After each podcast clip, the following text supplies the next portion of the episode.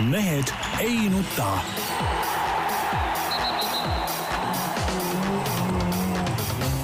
mehed ei nuta. selle eest, et mehed ei nutaks, kannab hoolt Unibet, mängijatelt mängijatele. tere teisipäeva, Mehed ei nuta eetris, siinsamas Delfi suurepärases stuudios Tarmo Paju Delfist, tervist! Peep Pahv Delfist ja Eesti Päevalehest tervist! ja Jaan Martinson Delfist, Eesti Päevalehest ja igalt poolt käesoleval hetkel rohkem nagu äh, traumapunkti mees. no kes äh, need üksikud, kes olid meil liinil siin juba nagu pildis selle minuti jooksul, mis me siin pilti näitasime ja Jaan sisse astus, nägid, et siin üks karkudega vanainimene komberdas sisse põhimõtteliselt. no mitte nii vana inimene, ütleme No- niimoodi. no ei ole mõtet, no, Jaan. ei ole mõtet sporti teha, Jaan, kui enam ei keha ei kanna no.. ei, ikka tuleb. tuleb valida lihtsamad alad, kepikõnd, mis veel sobivad no ma käingi praegu mul on kargukõnd on praegu. Tarmo, sa oled va- valel teel, mitte keha ei kanna, vaid, vaid kui ta oli ju kaotusseisus, no käis, noh, räägime ka, et kuulajad aru saaksid, käis tennist mängimas, noor reporter Roosnaga oli kaotusseisus ja selleks, et mitte nagu, nagu päris kaotada, siis eh, simuleeris eh, viimane matš pallil nii-öelda vigastust. ja, ja nüüd siis eh, käib, et nagu seda, et oleks nagu tõene see pilt, nüüd käib siin mõned päevad siis karkudega.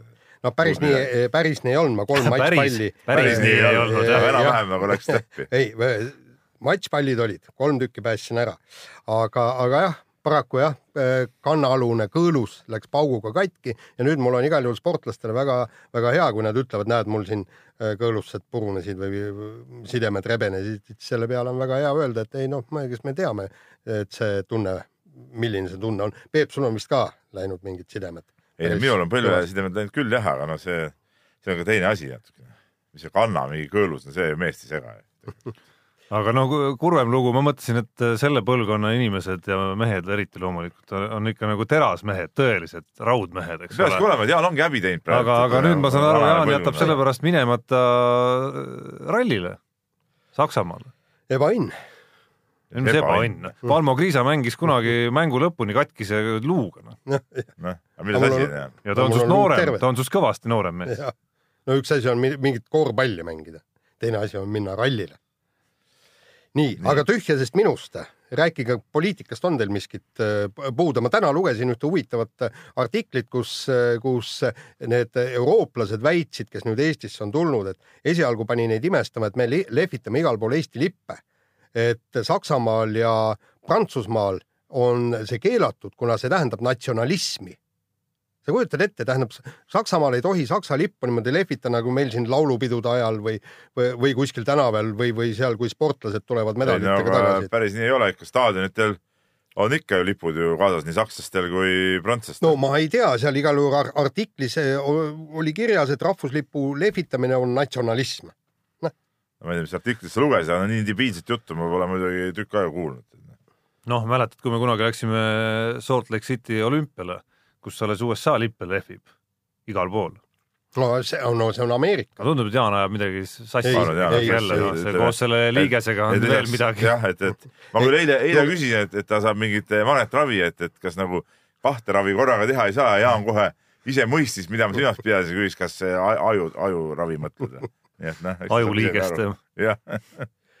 nii, aga lähme nüüd ikkagi nagu päris alade juurde. Lähme päris alade juurde ja, ja korvpall. ja me oleme andnud lubaduse endale täna teha kiiremini. siiski teha kiiremini, jah. nii, korvpallil mm valikturniiril on Eesti pääsemas mudaliigast. kaks võitu on käes, üks on vaja veel saada, isegi kui äh, kaks kaotust nüüd saadakse, siis äh, on ka väga suur tõenäosus, et me pääseme edasi, meil on ikka päris, päris head punktivahed.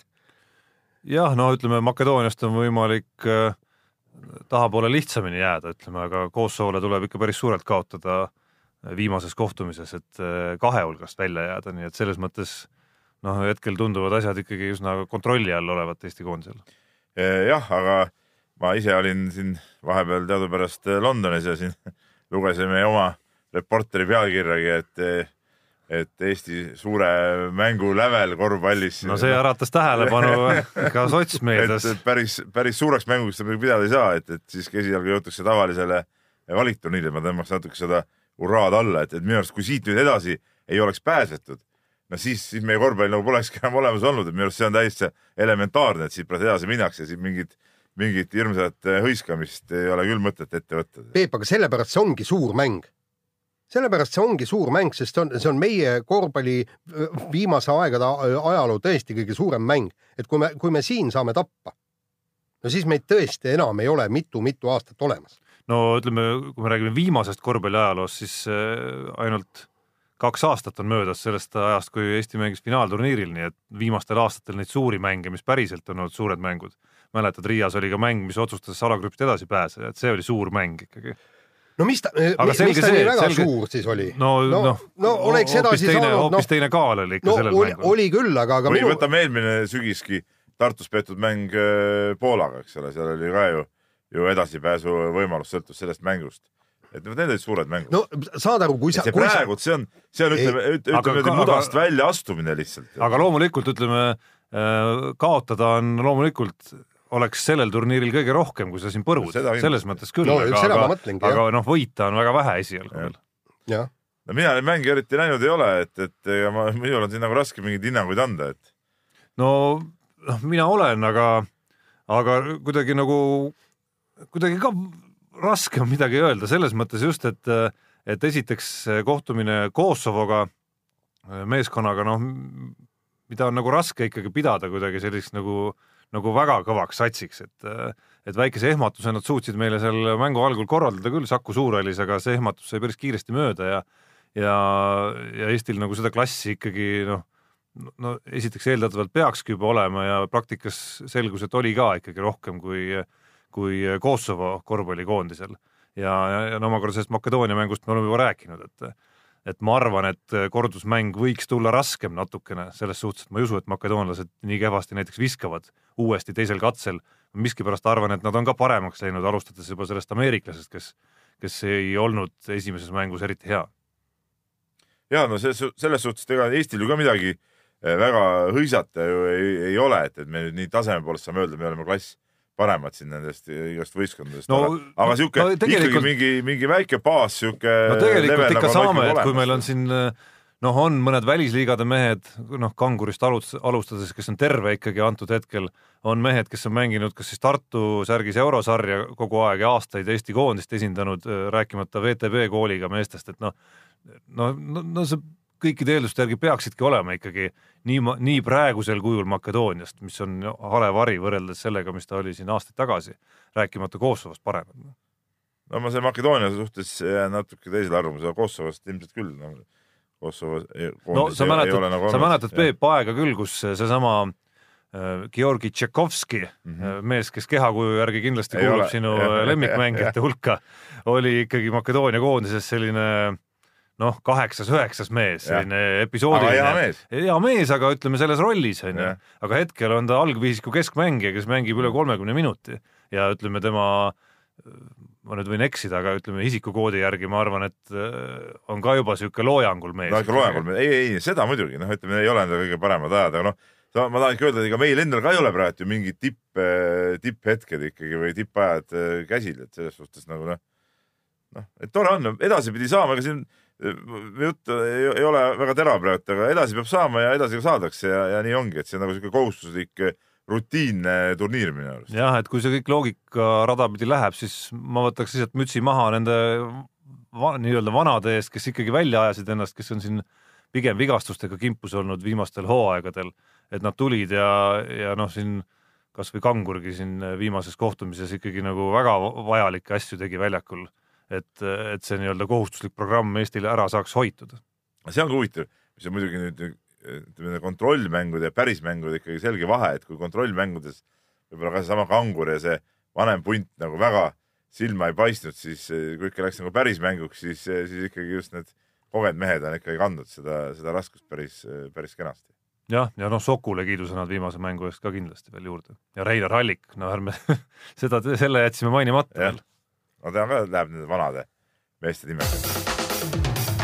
nii, aga lähme nüüd järgmise osa juurde, kiire vahemängu juurde, jätkame korvpalliga ja Mattias Tass, meie öö, kõige andekamaks noormängijaks öö, peetav vend, siis esmalt teatas, et läheb universiaadile ja siis läks nädalake mööda, siis teatas, et ikka ei lähe universiaadile.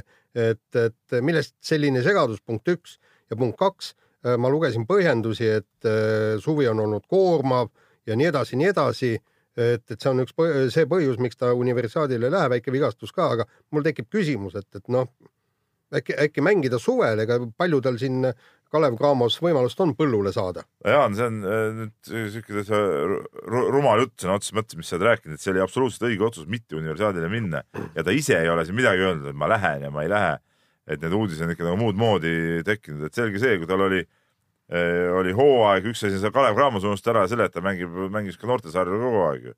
pani selle ära, mängis terve juuni, juuli, no mingisuguse hingetõmbepausi peab võtma ja, ja, ja koormused olid tal suured koondise eest ka, noortekoondise eest, et selles suhtes minu arust tä- täiesti õige otsus, et et nüüd on vaja nagu hakata uut äh, põhja ju laduma ka uueks hooajaks ja selleks tulebki natuke puhata ja alustada siukeste rahulikumate füüsiliste treeningutega ja väga, väga õige, noh, sa ei saa ju suve otsa lihtsalt mängida ja tegeleda mingisuguse, mingi siukse jamaga, sa pead mingi hetk nagu ennast ikka arendama ka.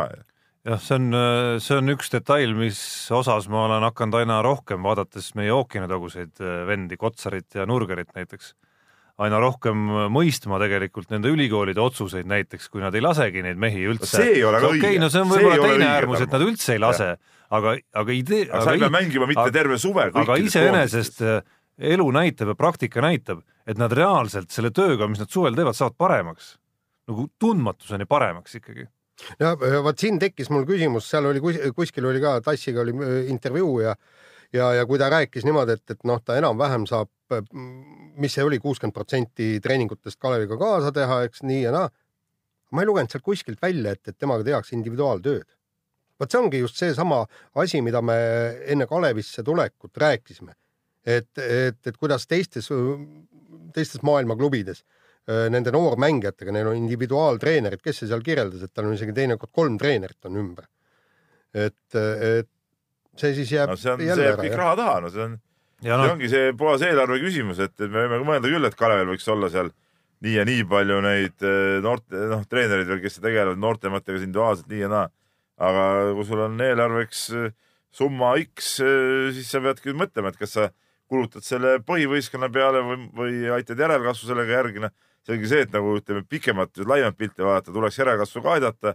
aga kui sa tahad nagu selle no, nii-öelda VTB või ühisliigas seal mängida kõvasti, no siis siis kuluks iga tasemel mängumees ära jah, et, et meil endal ilmus ju ka Taavi Jurkatomega värske lugu just, kus ta käis äh, USA-s ja tutvus oma tulevase ülikooliga ja luges seal ka kokku, kui palju on meeskonnal erinevaid treenereid. füüsise treenereid üksinda oli kolm tükki juba. täpselt, et see, see ongi vahe, meil ei ole kuskil, ei ole isegi Audenteses ju niimoodi, Audentes on ju kaks treenerit pluss siis öö, füüsilise treener ja on kõik, ega seal midagi, midagi rohkemat ei ole, et selles suhtes nagu noh, seis on meil niisugune no on. no aga see me- on ju, see on ju selles mõttes investeering, et, et kui, mida paremaks sa tassi teed, seda Jaan, rohkem sa sul ei ole pappi midagi saad. investeerida. Võta laenu, ma ei tea. no ei, valikute küsimus on ja ma olen Jaaniga selles mõttes nõus, et tegelikult tuleks rohkem sellele nagu rõhku Tuleks, panna. nii sellele olema-, et need noored tuleks sinu klubisse kui ka Jah. sellele, et neist siis nagu midagi nagu valmis küpsetada, ütleme siis nii noh. sest ega me Eesti tasemel no ütleme pärast Andre Pärna võib-olla, kas meenub mõni nagu pikemat sorti mängumees, kes Eestis on nagu füüsiliselt väga heaks saanud? ei meenu jaa, aga ma ütlen veelkord, et kui see nüüd kiire vahemängu teema läheb, siis vaata kõik pikemaks teemaks, eks ole. aga, aga kui sul on nüüd valida näiteks a la, kas sa palkad ühe välismaalase ja oled ühisliigas hea või sa seda ei palka ja panustad seal noortele, selle võrra võistkonna üldine tase langeb. kas sa siis, Tarmo, oleksid rahul, kui Kalev saaks tappa ainult? no aga ma ta arvan, et oleks, kusjuures isegi oleks, kui see on läinud nagu õige eesmärgi nimel, selle eesmärgi nimel, et mul on seesama noor seal võib-olla neljaks-viieks aastaks nii-öelda ära lukustatud, siis, siis nagu paari-kolme aasta pärast hakkad sa ju nagu dividende tagasi saama. ja Tarmo, aga tavainimene seda kindlasti niimoodi ei, ei vaata. ma ei ole kindel kusjuures, et ei vaata, ma arvan, et tavainimene tahab isegi lepib mõne kaotusega rohkem, kui ta näeb, et sel ajal väljakul on nii-öelda kodused mehed, kes reaalselt arenevad kogu aeg. ei, ma ei räägi praegu väljakul olemisest, ma räägin sellest, et kuidas, kas sa oled palganud äh, mõne treeneri, kes tegeleb siukse mehega, kes nagu esialgu ei saagi mängida või, või, või, või lihtsalt ongi seal treeningute ei no aga siis peabki, peavadki need noored mehed olema väljakul, sellepärast et sa ei palka ju väljamaalasi. ja selle raha eest palkad treener hoopis. okei okay,, lähme järgmise teemaga. Läheme edasi, Janek Õiglane, meie kergejõustiku maailmameistrivõistluste ülekaalukas ja kõige säravam staar, sai oma neljanda koha eest vägeva preemia ka, nimelt kihlveo järgi siis Karl Robert Saluri, tema hea konkurent, pidi talle andma välja kilo sõõrikuid.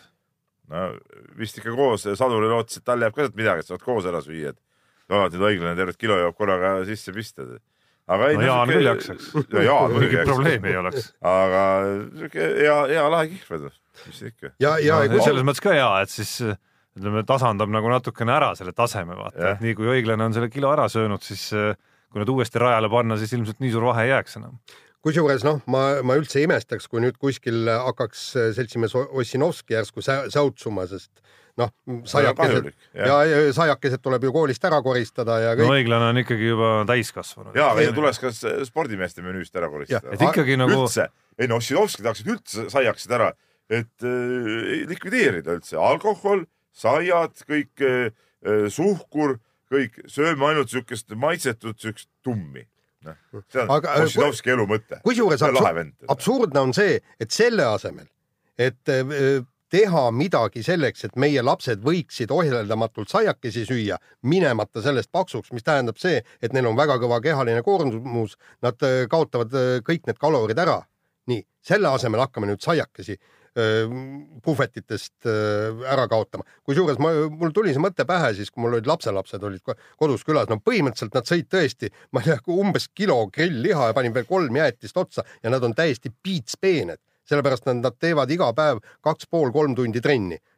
väiksem plika veel käib umbes matkadel, tal oli kõige pikem rabamatk oli kolmkümmend kilomeetrit. no kas tõesti tema ei või saiakest süüa või? Ja no Jaan, me, Peepu ma ei mäleta nii väga, aga, aga ennast ma mäletan ja sind ammugi, et eh, on perioode olnud elus, kus ütleme, saiakesi on läinud sisse. ei ei Peep ka siin no Õhtulehe ei- aegadel, mäletan Narva kohvik. Narva kohvik oli, aga aga Jaani saiakogused kõige suuremad loomulikult selle no no, ütleme tema, nagu totaalne muutumine on ka kõige suurem. no ütleme kaheksa vasta kuklit ei olnud nagu mingi probleem ära ei süüa no. vastavalt loomulikult tulebki palju süüa, kui vastavalt käes on. nii, ahah, ja minu kord ja, ja Jaaf siis äh, Rahvusvaheline Kergejõustikaliit äh, andis, annab välja ajakirja ja, ja, ja, ja seal tehti siis äh, selline avaldus, et Eesti rahvaarv on üks koma kolm miljonit, aga Eesti kümnevõistlejaid hinnanguliselt nendest äh, pool miljonit, et iga kord, kui mingi suurvõistlus on, Eestil alati kümnevõistlejad väljas ja pildis. nii on. ja aga Eesti ongi ju kümnevõistlusrahvas, et selles suhtes see, see ongi ja kõik me oleme ju, ju kümnevõistlust ka läbinud, ka meie kolm, eks ole, ja, ja rohkem kui ühe korra, nii et, nii et eh, enamus eestlasi, ma arvan, on elus eh, korra kümnevõistlust proovinud. ma ei tea, kes, kes see oli, ma ei, ma, ma ei julge nüüd pakkuda, keegi aga kas Jaan ikka on kümne vist teinud? ja ei, ma olen pedas olen teinud.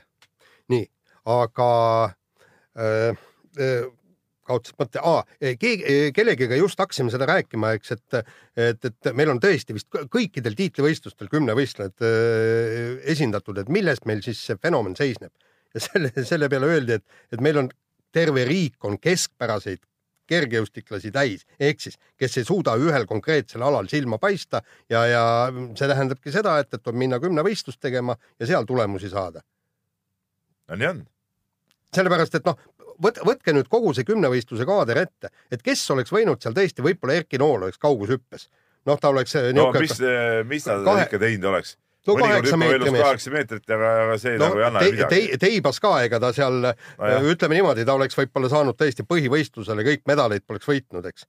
aga, aga, aga kui me vaatame neid teisi kümnevõistlejaid, siis sealt ei ole ju üldse midagi loota, ühelgi alal tundub, et või, või, või Tarmo, Peep, kas on, on teistel kümnevõistlejatel näha, et, et mingil alal ta võiks MM-il põhivõistlusele pääseda? noh, ega me seda ju kunagi lõpuni ei tea siiski. ega ei tea kui ta jah, oleks spetsialiseerunud äh, üsna varakult mingile konkreetsele alale, mis siis nagu täpselt juhtunud oleks, me ei saa seda kunagi teada. jah, nagu see õiglane, eks oda seitsekümmend üks meetrit ei ole sugugi paha ju, eks. nojah, aga seal kuskil tuleb ikkagi ka see piir ette, et ega me ei saa ju arvata, et õiglane või noh, kui ta teeks sealt odaviset, et ta oleks mingi kaheksakümne kaheksa meetri mees, no seda, seda me ei saa ju niimoodi eeldada tegelikult. noh. nii, aga jätkame kergejõustikuga ja Usain Bolt, maailma kiirem mees senimaani, maailmarekordid tema käes, pidas MM-i ajal väidetavalt kõvasti pidu, et, et seal oli kuskil mingisugune video olnud, kus kohas ve vein ikka voolas, pehmelt öeldes. et ühesõnaga noh, no ma ei tea, nõrk kõlab kuidagi. veini peal nüüd siis. Ega sealkandi mehed ju ütleme nagu valget viina vist ei võta ju. erinevalt sakslastest, kes Jah., kes pärast võitu kuskil kuldmedali mingis metroorongis ära kaotavad ja no on seda juhtunud jah. et võib-olla sellest see jama oligi, et see ära tõmbas seal mingi lihase, noh, et ka vale. et vale, vale segu oli vale ette all. absoluutselt jah. et tuleb nagu õige seguga õlitada oma liikmeid. kuule, aga oot-oot, Jamaikal on ikka rumm on ka ikka ju täiesti no, tegus. no rummi, rummimehed on muidugi kõvemad jah, et, et see ongi huvitav, miks ta siukest, siukest jooki seal nii võtma hakkas. nii, aga kiire vahemängu lõpetuseks äh, saame ühe küsimärgi veel visata õhku. nimelt tagasi on meil rubriik Nädala Ronaldo üle pika aja. ja põhjust loomulikult on, sest äh, meie lemmik Cristiano Ronaldo äh, Hispaania superkarika finaalist esmalt eemaldati ja seejärel suures protestihimus läks ja tõukas kohtunikuga selga ja sai viie mängu keelu. No mis Isegi- tõuge isegi- no see ei olnud muidugi tõuge, no see oli kerge müks. no müksas, eks see kohtunik natuke pani seal sodi ka, olgem ausad. noh no ei tea, no no kuule, seal ei olnud ju. no seal ega teda nüüd ei lükatud seal ei no maha, aga ütleme see, nii no see niisugune sukeldamine nüüd ka ei olnud, et see nagu kaarti väärt oleks olnud. Ma vaatasin seda videot. ta oleks võinud püsti jääda küll, kui ta oleks tahtnud. kusjuures, kas seal mängus äh, hoopis, kas Sanchez'ele või ke- kellele seal äh, sukeldumise eest pe- penalti anti või? eks ta ei kergelt olnud. oli antud küll jah, aga huvitav, et vend ei suutnud äh, no ennast nagu valitseda ikkagi, et. no kuule, et see noh, on niisugune sõbralik müks, seda kuule sa tead noh, ette siiski, et sealt tuleb keeld. jaa, võib-olla tahtsidki puhata. nojah, solvunud ka natukene, et siin mingi Neymaride eest kakssada kakskümmend kaks miljonit makstakse, tema üleminekusummad. kõik on kuidagi hoopis teises suurusjärgus kunagi. kuigi tema tegi nagu lahti selle hiigelrahade jaotamise, eks ole, aga, aga no noh, siis ei mängi noh. jah. Kusjuures äh, meedias ju ilmusid jutud, kuidas Lionel Messile täpselt samasuguse äh, tõukamise eest äh, väidetavalt karistust ei olnud määratud. et miksipärast Ronaldo ei meeldi neile, nojah, no Messi ongi võib-olla parem siis. Ronaldo nii hea.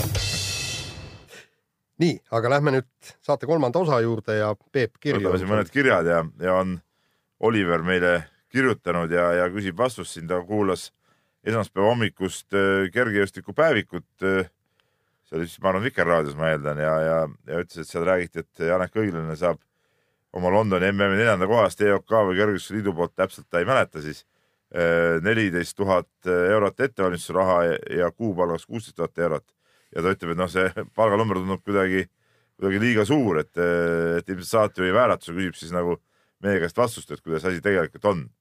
No ühed nullid on ühed, üle ühed nullid on nagu üle, ütleme nii, et, et, et äh, iseenesest ka nagu soliidsed, soliidse raha peale sai ja, ja, ja tegelikult Janek Õiglane ise nagu teadnudki seda, ma seal äh, intervjuu tsoonis hakkasin talle seda rääkima, see tuli talle päris äh, suure üllatusena, et ta ütles, et ta ei olnud selle peale kunagi mõelnud, ta ei teadnud mitte midagi. kuule, No vot see, päris, see ongi äh, natukene kummaline ja kusjuures ta ütles, ta ütles ju intervjuus ka, teleintervjuus, et ta kuulis Pahvilt seda, et, et no ta- taevane arm, kallid sportlased, see on teil palgaraha, te saate haigekassa kaarti, te saate korraliku ettevalmistusraha, see peaks olema ka eesmärk minu meelest noorel sportlasel, et, et äh, tõesti MM-il kaheksa hulka jõuda, et, et saada endal va- kaheks aastaks äh, kõik ära kindlustatud No või aga- siis on vendadel pappi nii palju, et, et nad ei tea, noh, neil ei ole selle lisarahaga midagi peale hakata. no aga järelikult äh, mingit elulist vajadust siis väga ei ole tal, et ta ei ole kursis selle süsteemiga. no ütleme, selles suhtes on Janek Õiglane muidugi toetajad on olemas oma, omapärane äh, nagu nähtus või, või nagu positiivselt omapärane nähtus, et, et ma ei ole küll kunagi kuulnud tema poolt mingit äh, virinat, et ei, ei ole seda, teist või kolmandat, et, et ilmselt tal ongi asjad nagu hästi ja, ja aga selle uudise üle, mis ma talle ütlesin, oli tal küll siiralt hea meel, et oh, et noh, vägev värk. noh. aga pappi tuleb igalt poolt, seal on ju see kümnevõistluse maailmakarikas, tal on on sealt on see, ka pluss- korralikult. pluss Jaap maksab ju ka esikaheksale ju Just. preemiat, eks ole, et, et selles suhtes päris, päris, päris tubli värk. see oli vist viisteist tuhat või midagi sellist. jah, et äh, no üldiselt kirjad on siin enamus kõik kergejõustikega seotud, mis meil tuleb nagunii eraldi veel käsitlusele, aga ma nüüd küsin, et ma ei mäleta, kas me seal selles Arvusfestivali saates seda Siim Avi äh, Soome ja Eesti koondise võrdlusest rääkisime või? me otseselt Ei. kirja ei rääkinud, aga me rääkisime sel teemal, jah. siiski, aga ikkagi loeme selles ette, et Siim Avi, meie saate kuulaja ja Kõpu vallavanem muuseas, nagu siia alla on kirjutanud, kirjutab, et ähm, tegi huvitava avastuse, et, et Eesti kergejõustikukoondis oli siis äh, suurem kui kergejõustikumaa Soome oma, Eestil siis neliteist sportlast, Soomel kaksteist sportlast. et, et, et no eks ta natuke hämmastav muidugi on jah, et see kergejõustikseis neil on, on nii vilets, aga jah, et see fakt iseenesest on, on minu arust päris huvitav. kusjuures noh, nad ei võrdle isegi ennast niivõrd Eestiga, kuivõrd äh, Rootsiga, kus oli kolmkümmend. aga Rootsil, aga oleme ausad, Rootsil mingeid tulemusi ka ei olnud. no ku- kulla said ju ei no okei, no või hõbedad, hõbeda, sorry, jaa aga kui me hõbedad. vaatame laias pildis, kui vanasti, kuidas neil olid eh, seal kolmikhüpped, tõkkesprindid, Klüft. kõik jutud, klüftid, seitsmemõistused, siis selles võrdluses eh, ei ole Rootsi kergejõustikku praegu üldse olemas. aga, samas oli seal märgata paari päris terast noort muidugi, kes, kelle puhul vist võib olla aja küsimus, kui nad kerkivad sinna, see noor Teivas hüppaja näiteks. jah, ja, ja Norra on tõusu, tõusuteel ikka võtta, võtta kaks, kaks jooksumedalit. no Norra, kui sa mäletad läbi aegade, nad on varem ka seal kaheksasajas ju eh, võtnud ka mitte olümpiavõitja see Roodal, eks ole, et, et, et seal nagu on, on ju olnud küll neid, neid häid vendi. just, aga, aga selle kergejõustikumaailma olukorra juurde me veel tuleme siin teemades tagasi. Nonii, tervist. tervist. nii, aga jätkame nüüd äh, siis teemadega ja räägime võrkpallist. Eesti võrkpallikoondist ootab ees äh, EM-finaalturniir, kolm mängu peeti Hollandiga, kontrollmängud ja kõik kolm ka kaotati. et äh, noh, ma rääkisin noor reporter Roosnaga, ta ütles, et, et äh, ohumärke väga ilmas ei ole, et, et kui, kui, kui nüüd vaadata, et millise koosseisuga mängis, milliseid vahetusi tehti, et, et see oli ikkagi pigem rohkem äh, katsetamine. No nii palju, kui ma lugesin, siis ma sain ka aru, et seal eksperimenteerimist oli kõvasti. et äh, sellest nüüd midagi väga välja lugeda ei ole mõtet, et siin pole mõtet neid põhimehi väga noh, nii-öelda platsile rammidagi pärast sellist suve, mis Eesti võrkpallikoondisel olnud on. et siin mingit nagu no ma ei tea, mingi kokkumängu aretamist või asja, noh milleks, noh praegu on vaja pigem timmida mehed nagu füüsiliselt heaks jälle. aga olgem ausad, võrkpallikoondis on ikka arutult palju pidanud sel suvel mängima ja tead, need kontrollmängud ka nüüd kolm mängu Hollandiga, nüüd see nädal lõpeb kolm mängu Hispaaniaga. Hispaaniaga. Üldse mängitud nagu kõriauguni ju, korra oli juba kolmemänguline seeria nendega, siis mängisid äh, äh, maailmaliigat, mängisid äh, MM-valiksarjas, eks ole, omavahel, nüüd veel kord kolm, et siis kaheksa mängu ühe suve jooksul Hispaaniaga, et noh, see, see on, see on ikka väga-väga-väga palju. et kui, et kui miski oli murettekitav võrkpalli suunal, siis minu arust pigem see lugu, mis Päevalehes ilmus, ehk siis esimest korda lõpuks saime ka teada, mismoodi Keit Pupart jäi välja Eesti koondisest sellel suvel, et oli nii tema esimest korda kommenteerinud seda, kui ka siis öö, teised asjapulgad natukene juurde rääkinud, et, et see jättis nagu päris kentsaka mulje ikkagi minu arust, et öö, ütleme, võtame peatreener Gretu, võtame Pupart, mehed, kes olid tegelikult nagu ühe klubi mehed ka veel, noh, Pupart on olnud nagu Gretu mees põhimõtteliselt ju ikkagi viimastel aastatel oma karjääris. ja nüüd ei saa omavahel nagu niimoodi suheldud, et, et kuidagi ei jääks õhku olukorda, kus kuu või kaks hiljem hakatakse arutama, et kes ei võtnud telefoni vastu või kes võttis telefoni vastu või või kes sai õigel ajal teada ikkagi, et millal peab kohal olema ja kes ei saanud. no siukseid, see on nagu tegelikult jama ikkagi. noh. minu arust see ka tegelikult jama, et, et okei okay,, me võime öelda küll, et meil on kõva koondis ja, ja mehi on ja, aga, aga no päris. no viimased Ja- suured ma- ma mängud siiski öelda, näitasid jaa. juba, et see koht on meil selge nõrkus võtsime sõnad suust ära, ma tahtsingi sinna jõuda, et, et noh, tegelikult eh, ütleme sellisel tasemel mehi meil nüüd üleliia palju ka ei ole, et me saaks nii kergekäeliselt neist loobuda ja selles suhtes öö, ma natuke ikkagi, ikkagi siin peatreeneri poole teeks ka ja, ja väikse tuti-tuti, et, et no tegelikult eh, treeneri asi on ikkagi teha nii, et mehed oleks nagu kõik olemas ja, ja, ja leida seal ka mingeid teatud kompromisse, et, et noh, see päris nii ei, ei peaks käima, et, et, et Jah. ei võta nii head meest satsi vist. ja, ja põhimõtteliselt noh, nagu Mart Roosna ka ütles, et, et ühelt poolt tõesti, et Gretu oleks pidanud mõistlikumalt tegutsema, aga samas ta ütles ka, et äh, peatreeneri telefonikõnesid peab vastu võtma. et see on ka nüüd selge. ei, muidugi telefoniga loomulikult tuleb vastu võtta, aga noh, ma ei tea, palju mitu korda seal nüüd helistati siis noh, et, et no kahest korrast rääkis Noh, Pupart ise ja võttis aga-, raputas tuhka pähe, aga noh, lõpuks on kuskil ka mingi alaliit kõrval, et äh, ei, nagu nii väike ring ja nii väike riik, nagu me siin oleme, kuidagi tundub jabur, kõik et- et me nagu ei saa suheldud omavahel. ma ei tea, kas Pupart siis tõesti ühtegi kõnet ei võtnud vastu enam mit, no mitu kuud või? aga, aga jah, tähendab äh, totter olukord, aga meest ka äh, solvumise pärast ei tasu nüüd ka koondisest välja jätta. nii, vahetame teemat ja nüüd äh, meie Põrina fännid saavad, saavad oma hetke. Ott Tänak Saksamaa ralli ja MM-sarja kolmas koht vajab kaitsmist. no Saksamaa ralli, nagu Ott ise ütles, lugesime ta, ta blogi, mis ta meie Delfis siin kirjutas, et äh, üks omapärasemaid äh, keerulisemaid asfaldirallisid kahtlemata ja, ja ta on niisugune teistsugune, ta ei ole nagu klassikaline asfaldiralli. et tegelikult seal võib äh, minu arust niisugusel Oti-sugusel mehel olla isegi omamoodi võimalus olemas.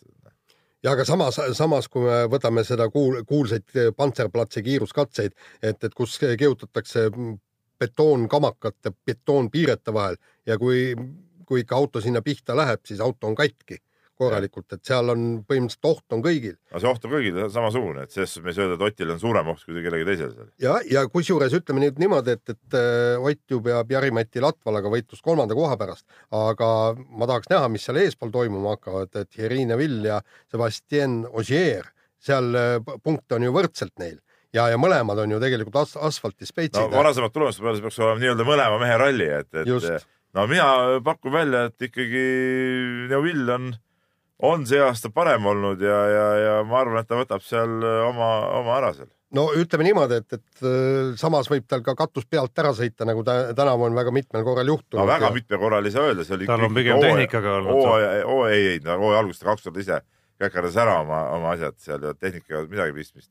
et, et aga, aga ütleme, ta on hooaja käigus selgelt arenenud, selles suhtes pärast ei ole ju tal siukseid asju olnud. ja noh, väga palju sõltub ka sellest, et kuidas need autod on, kui kiired, kui hästi saadi testitud, järgmine, et, et kas on vihm või ei ole ja, ja seal on neid tegureid tuleb niivõrd palju, aga igal juhul noh, see ralli mm on muutunud niivõrd põnevaks, et, et juba ootad seda järgmist rallit ja, ja tahaks näha ja tõesti mitte siis ainult äh, Oti tegutsemist, aga, aga võitlust maailmameistritiitli peale. no mulle teeb head meelt see ka, et Ott ütles välja seal selles samas äh, blogi postituses, et, äh, et ikkagi tahaks selle kolmanda koha ära võtta, et ta ikkagi nüüd näeb nagu, nagu seda kasvõi pronksi, MM-sarja pronksi saamises ka teatud stiimulit ja see on ikkagi tema jaoks nagu oluline, et kas ta on siis kolmas või neljas. no aga seda ta rääkis kuigi, tegelikult juba ja, Poolas minu arust. kuigi rallimaailmas nagu noh, tegelikult kõik teavad, kes on maailmameistrid, keegi ei mäleta, kes oli, ma ei tea, kolm või neli aastat tagasi, teine või kolmas. no kui hooaeg lõpeb aga, aga, ja toimub autasustamine, siis ikka kolm paremat tulevad kokkuvõttes ka ju poodiumile. ikka, ikka, ikka no.. ja EOK ju kutsub. tule, seal on ikkagi no, see, ütleme, no, see galaõhtu. nii-öelda poodiumile jutumärkides. ja EOK kutsub ka ju vastuvõtule, kingib raamatu ja lilled ja see on tore. kusjuures, kas selle eest kaasnevad ka kõik uh, hüved? ei, see puudutab ainult äh, olümpiaalasid. olümpiaalasid mis on nagu totter. mis on totter, ei no ma olen viimasel ajal päris tihti mõelnud sellele, et kuidas see süsteem, noh, ütleme, mida, mida teevad tennisistid või isegi olümpia, isegi olümpiaaladel tähendab, vabandust, isegi olümpiaaladel, kus nagu noh, polegi lihtsalt selliseid võistlusi ju. ja tennises ei ole Tennis, ei EM ega MM-i. golf on ka nüüd olümpiaala, aga ja. ma ei tea, kas siis loetakse amatööride ma maailmameistrivõistlusi, Euroopa meistrivõistlusi või samas on need täiesti ja. mõttetud võistlused globaalses mõttes ja, ja noh, paneme veel siia lisaks, eks, et, et noh, nagu kunagi ammu-ammu ma kirjutasin kommentaari, kui see süsteem tuli, et me peaksime valima veel mõned Eestile olulised alad, kus, kus teha ka täpselt samamoodi, et, et premeerida ja, ja võtta palgale, noh näiteks üks on kindlasti orienteerumine, väga palju meil orienteerujaid ja, ja ta on tõesti ka rahvaspordina väga tuntud ala. näiteks karate, mis läheb äh, eestlastele kor korda, kõik me mäletame Marko Luhamaa maailmameistritiitlit. No, no, no, sa ei suuda elu sees, Jaan, ma arvan, kokku leppida, et milline nendest karateedest. mis mõttes kokku kas Shotokan karate ei, või ei, ei, mingisugune? olümpiakarate, aa õige, karate on nüüd olümpiaala, sorry. karate on juba automaatselt sees nii, aga nüüd läks teema vahepeal lappama, aga, aga korraks veel ralli juurde tagasi. E, värske uudis mitte Ott Tänakust, aga mis räägib Karl Krudast, ütleb siis seda, et e, Krudal võimalus Hyundai meeskonda pääseda või kas on?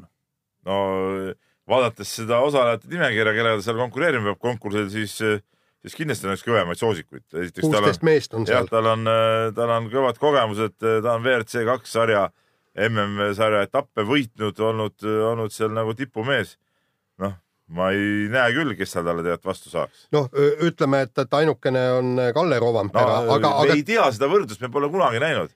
Kalle Rovampera tuleb äh, siia vist Lõuna-Eesti rallile äh, varsti sõitma, et, et siis võid seal vaadata, aga ja. ei, selge see, ta on, tema on tulevikumees, aga äh, kas ta praegult on näiteks, kui seal läheb ikkagi see kiiruse võrdluseks, sõidu võrdluseks, kas ta on Kruusast parem, no seda on väga raske hinnata. ja, ja kusju-, aga seal on ju ka see, et, et Rompera väidetavalt eh, on sõlmimas lepingut M-spordiga. Mis tähendab seda Hyundai'sse ei lähe. aga see oleks muidugi väga kõva, sellepärast et, et, eh, et see on täiesti selge talendiprogramm Hyundai'l ja järgmine aasta sa, ta saaks R5 autoga sõita WRC kahte ja, ja eh, teda nähakse ja koolitatakse välja, et ta võiks ühe kolmest piloodist ühel hetkel välja vahetada. jah, sest et ütleme, olgem ausad, et see tore on, et Kruda saab praegu seal Hiinas sõita, aga no kokkuvõttes see on ju mingi, mingi naljanökerdamine No et, et tema tase kindlasti oleks eh, WRC kaks sarjas, et noh, ta on seda aastatega tõestanud ja, ja tegelikult ta on ju noor mees, ta hästi noorelt ju tuli ju sinna MM karusselli ka ja, ja, ja, ja tegelikult noh, see oleks, oleks täitsa, täitsa okei okay,, kui ta saaks seal sõita.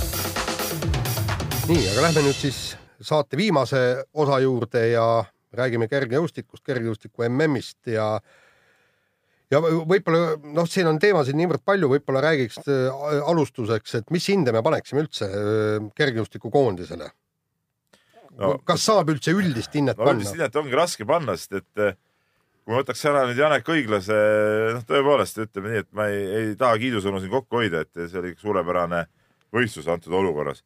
kui see nüüd ära võtta, siis koondis tervikuna oli ju täielik, totaalne lati alt läbiminek, noh, seal ei olnudki mingit, mingit küsimust. ma tean, Tarmo hakkab siin kohe vastu vaidlema, siin on ka kirjad vastavalt tulnud. Aga, aga, aga nii ta oli, noh, ütleme nii, et, et omal tasemel, noh, kes seal veel võib-olla võistlesid, tegid oma ära, oli siis Magnus Kirt, eks ole, esimest korda lõppvõistlusel, tubli. Kanter vaatamata kõikidele jamadele ka lõppvõistlusel tubli. Ja, ja Anna-Maria Orel lõppvõistlusel tubli. no nüüd sa muidugi räägid oma enda tänasele artiklile ka vastu juba, kus Orel oli pandud lati alt läbiminejaks kas sa ei ja, saanud aru siis, et ja Karl-Robert Salur ja Jagor siiski lati ületajateks. no aga latt oli ju seatud ju konkreetsele piirile. ja, ja aga noh, nüüd sa praegu juba. ei no, aga ma kirjutasin ka seal, ei, ei, sa, kas sa ei lugenud ennast lugu väga hästi lugesin. no ma kirjutasingi seal, et Orel tegi võrreldes konkurentidega tegi hea võistluse, aga tema latt oli isiklik rekord oli pandud, noh. Seda aga ta ei teinud, noh. aga, aga arvestades kohta, koht oli tal ju väga hea, ta edestas, ta läks nagu viimase äh, kohaga sinna ja, Absoluutselt. ja edestas paljusid. selles suhtes ta oli tubli, aga kirjutasin ka, et ta eba, ebaõiges kastis on ja võib-olla sai tema jaoks lati kõrgele seatud, aga, aga äh, nii see oli, kui me võistluse eel seadsime latiks isikliku rekordi, mis tegelikult äh, isikliku rekordi tase ei ole tal väga kõrge ja selle oleks võinud seal ikkagi ära visata, siis või heita õigemini, eks ole, siis äh, noh, siis siin on, koht on hea, aga tulemus ei olnud nagu piisav. Äh, eile vestlesin just ühe härrasmehega, kes, keda võib tõesti pidada asjatundjaks kergejõustikualal ja ja, ja ta, ta oli küllaltki kriitiline ka me, meie nii-öelda enam-vähem soorituste kohta, sest no Kanteri kohta ta ütles, et kuuskümmend meetrit, mis ta nüüd äh, äh, finaalis heitis lõppvõistlusel, ütles selgelt vähe ja ka kuuskümmend kolm, viiskümmend on selgelt vähe.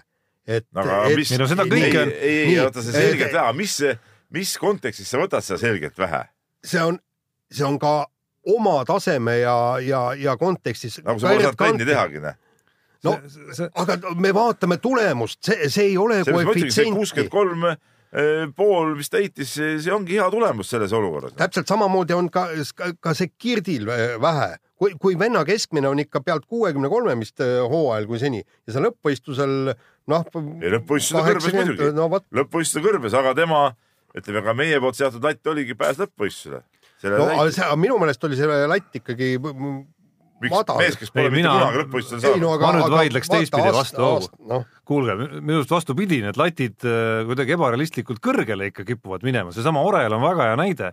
Ma võtan selle naiste vasaraite kvalifikatsiooni lahti, mitte ühtegi isiklikku tippmarki ei sündinud seal. Mis ongi ja hämmastav, meie paneme lati tingimused-, et ainult õnnestumine on siis, kui ta teeb isikliku tippmargi. aga mis ongi hämmastav, tingimused olid ju ideaalsed isikliku tippmargi heitmiseks no aga järelikult ei olnud siis noh. no olid ju sellepärast, et võistlus toimus õhtusel ajal, publiku ees, ilm oli normaalne, kõik oli tipp-topp. palju kvalifikatsioonis isiklikke rekordeid heideti ja? ma räägingi kvalifikatsioonist, üks hooaja tippmark, mitte ühtegi isiklikku tippmarki. Terve Aga- kvalifikatsiooni aga- peale, aga no ärme aga- unusta siiski mingit ärme unusta siiski ka mingit tiitlivõistluse mingeid jaa, pingemomente, mis olgem siiski nagu pärsid. vasar on selles suhtes ka oli ka erakordne. et seal teistel aladel tehti ikka päris palju neid hooaja tippmarke, isiklikke rekordeid, kõiki asju. et noh, Kanteri kohta samamoodi on,, kuidas sama Janek Õiglane suutis teha mitu isiklikku rekordit T10 võistluse ees, noh. no tema tegi, ongi, ongi Noh., tegelikult on see ebatavaline.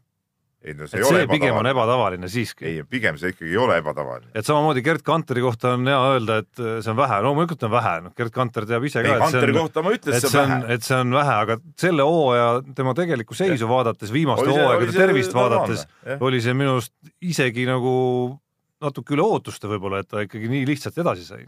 see oli jah, see puhta kogemuste pealt tuli see, et ta see, noh, samamoodi kolm oodata võitu. Xenia Baltalt, kui ta ei ole tõesti võistelnud kordagi, mis tähendab, et ta ei ole ka täishoo pealt aasta jooksul hüpanud kordagi.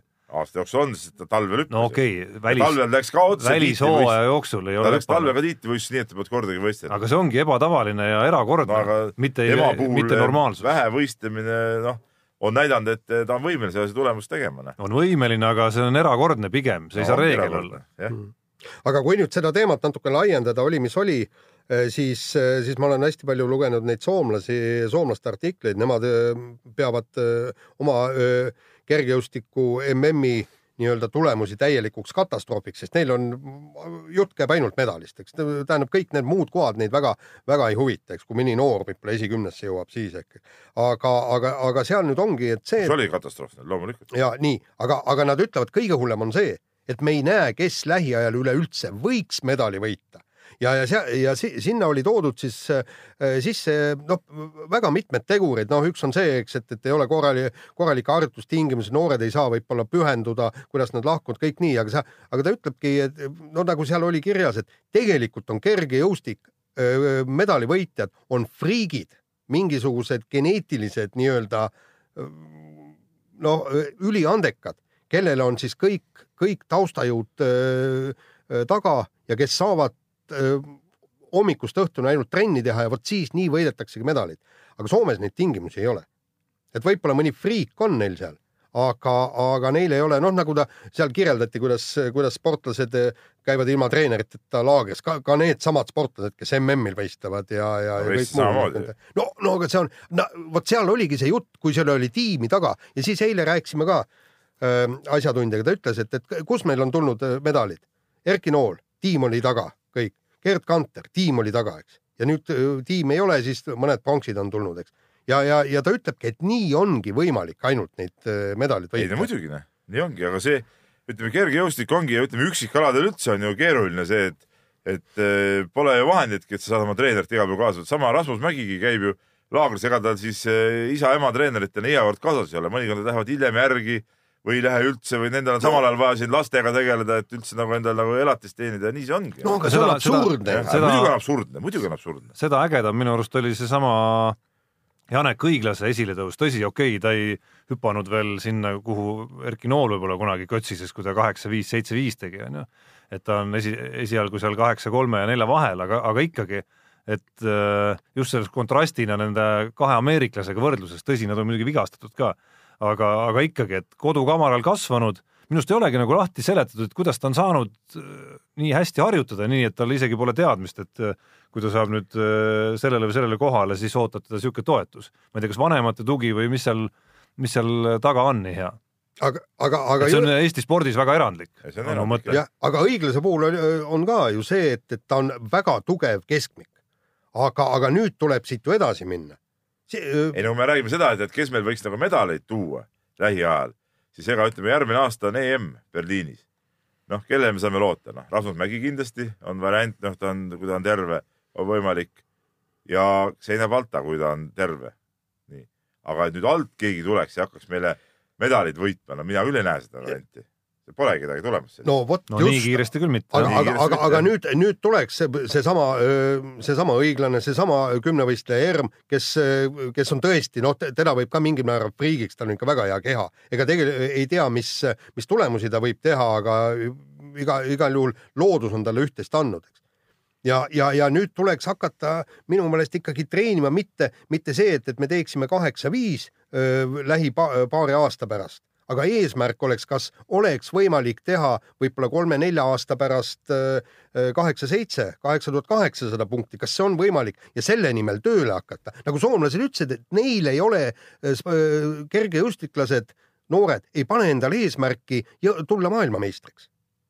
no see eesmärkide mitteseadmine on ka üks suuremaid probleeme ju tegelikult spordis. no just täpselt ja, ja samamoodi võiks see, võiks see õiglane võttagi eesmärgiks kaheksa tuhat seitsesada, nii, paneme nüüd nii ja kuidas ma sinnani jõuan ja vot siin peaksid ka Kergejõustikuliit, EOK ja kogu see seltskond tulema talle appi, et, et tegema tööd selle nimel, et kaheksa tuhat seitsesada kunagi ära teha. ütleme tõesti kolme-nelja-viie aasta pärast. noh, see on see, milles Erki Nool oli vaieldamatult võib-olla Eesti spordiajal üks kõvemaid mehi üldse eesmärkide seadmine ja, ja ka tegelikult nende väljaütlemine. see on nüüd võib-olla individuaalne, kas kellele see väljaütlemine sobib, kellele mitte, temale sobis igatahes. jah, ja see peaks olema ikkagi väga täpne si- siht ja peaks olema tee, kuidas sinna minna. noh, kolm tuhat seitsesada Janek Õiglane, kolm tuhat seitsesada, kaheksa tuhat seitsesada Janek Õiglane on realistlik. noh, ma kardan, et no isegi isegi kui ma kuulasin Sven Andresoo intervjuud, siis mul jäi mulje, et äh, ma arvan no,, seda natuke palju. et natuke palju võitu võib-olla jah, et, et on raske näha seal kümne ala sees nüüd neid alasid, kus, kus nagu mingisugust väga silmnähtavat hüpet saaks veel teha, et no mingid alad ka on, tal suht maksimumi lähedale arendatud Jah. juba oda näiteks ja, ja kõrgus ka, ma usun, noh, on ikkagi väga tipptasemel, samas noh, sadat meetrit sa nagu väga palju enam kiiremini jooksma ei hakka. no ma ta käest küsisin ka, et, et kuidas nüüd nagu edasi siit minna ja ega tal noh, peale võistlust muidugi ka võib-olla noh, seal ei olnud nii aega võib-olla analüüsida ka, aga tal väga selget vastust ei olnudki, et noh, tuleb samamoodi trenni edasi teha ja, ja noh, kui ta tuleb, selge see, et see mingi sada, sada viiskümmend eh, punkti kindlasti on võimalik juurde panna. Kaheksa viis, eks ole. viis, noh, aga see oleks eh, ju vägev värk, eks ole, aga kas sealt edasi veel saab minna, noh, muide, seda on juba raske no öelda. kaheksa, neli, kaheksa, kaheksa oli pronksi tulemus, ma tuletan Jah. meelde. muide, ma tuletan teile siinkohal meelde, et oli meil kunagi tiim seitsekümmend viis pluss ja seda seitsekümmend viit äh, Gerd Kanter täis ei heitnud, küll aga on ta võitnud üksteist, üksteist medalit, et äh, ma arvan, et selles suhtes on õigus, muidugi, muidugi see eesmärk peabki olema suurem, noh. Igal juhul. aga aga räägime natukene MM-ist ikkagi veel, mitte ainult Eesti asjadest, vaid, vaid äh, maailmastaaridest ka, et äh, Peep tuli Londonist tagasi. ma arvan, et äh, sama emotsiooniga, mis meie siin telekate ääres, et oli üks, üks väga vägev ja ajalooline MM ikkagi. Ma ei tea, mis emotsioone siin telekas saite, ma, kuna ma jõudsin, tulin koju pühapäeval, siis ma pühapäeva õhtust programmi vaatasin äh, televiisoris kodus. minu arust see televiisoris, no Ei, pühapäevaks oli jäetud muidugi ka nagu üks kõige mõttetumaid alade valikuid minu arust, naiste ketas ja noh. ei okei okay,, naiste ketas, naiste ketas, aga, meeste oda on aga, tavaliselt aga, aga ja naiste kõrgus ja meeste oda tavaliselt viimasel päeval on. mingit äh, telekas oli see emotsioon küll raske saada, võib-olla ka see staadionilt tulnuna, see kontrast oli ikka nii suur võib-olla.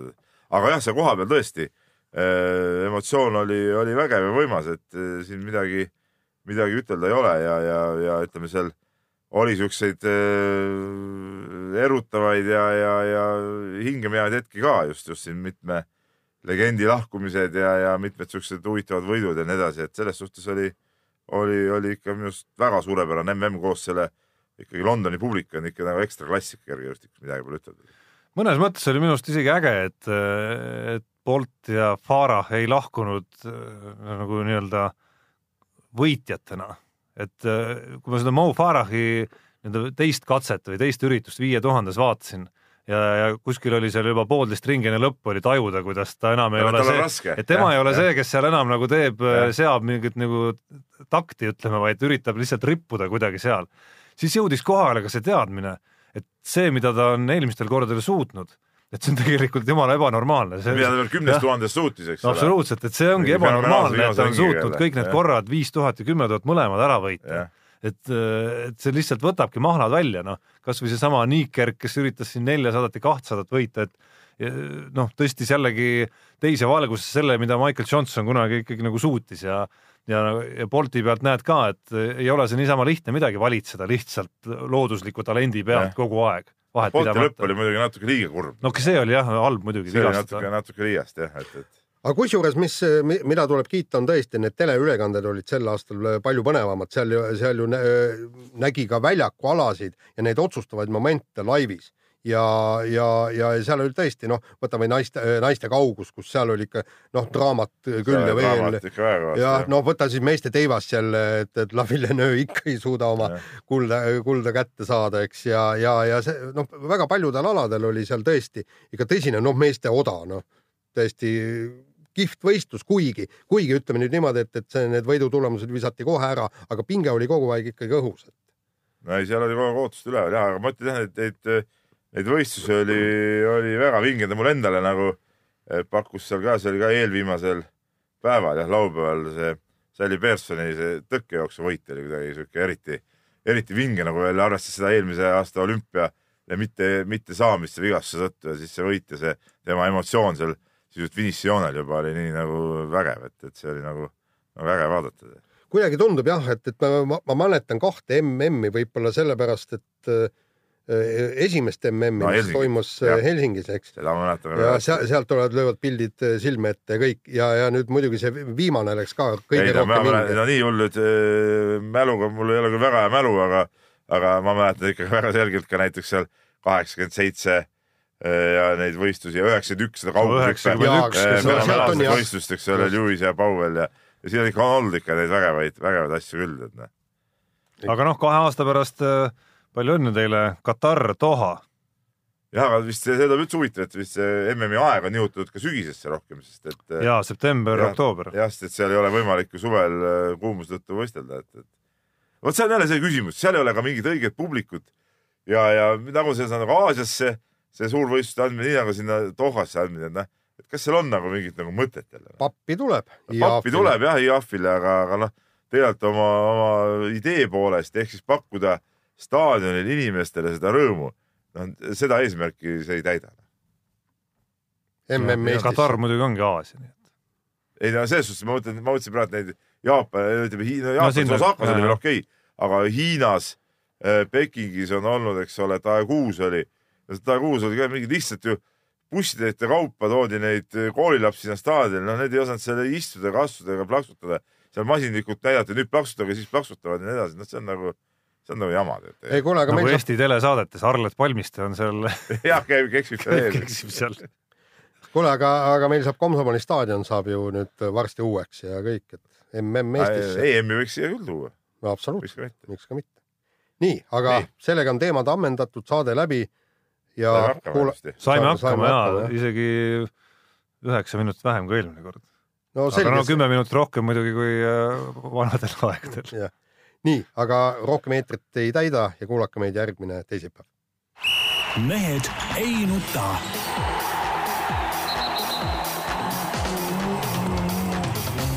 mehed ei nuta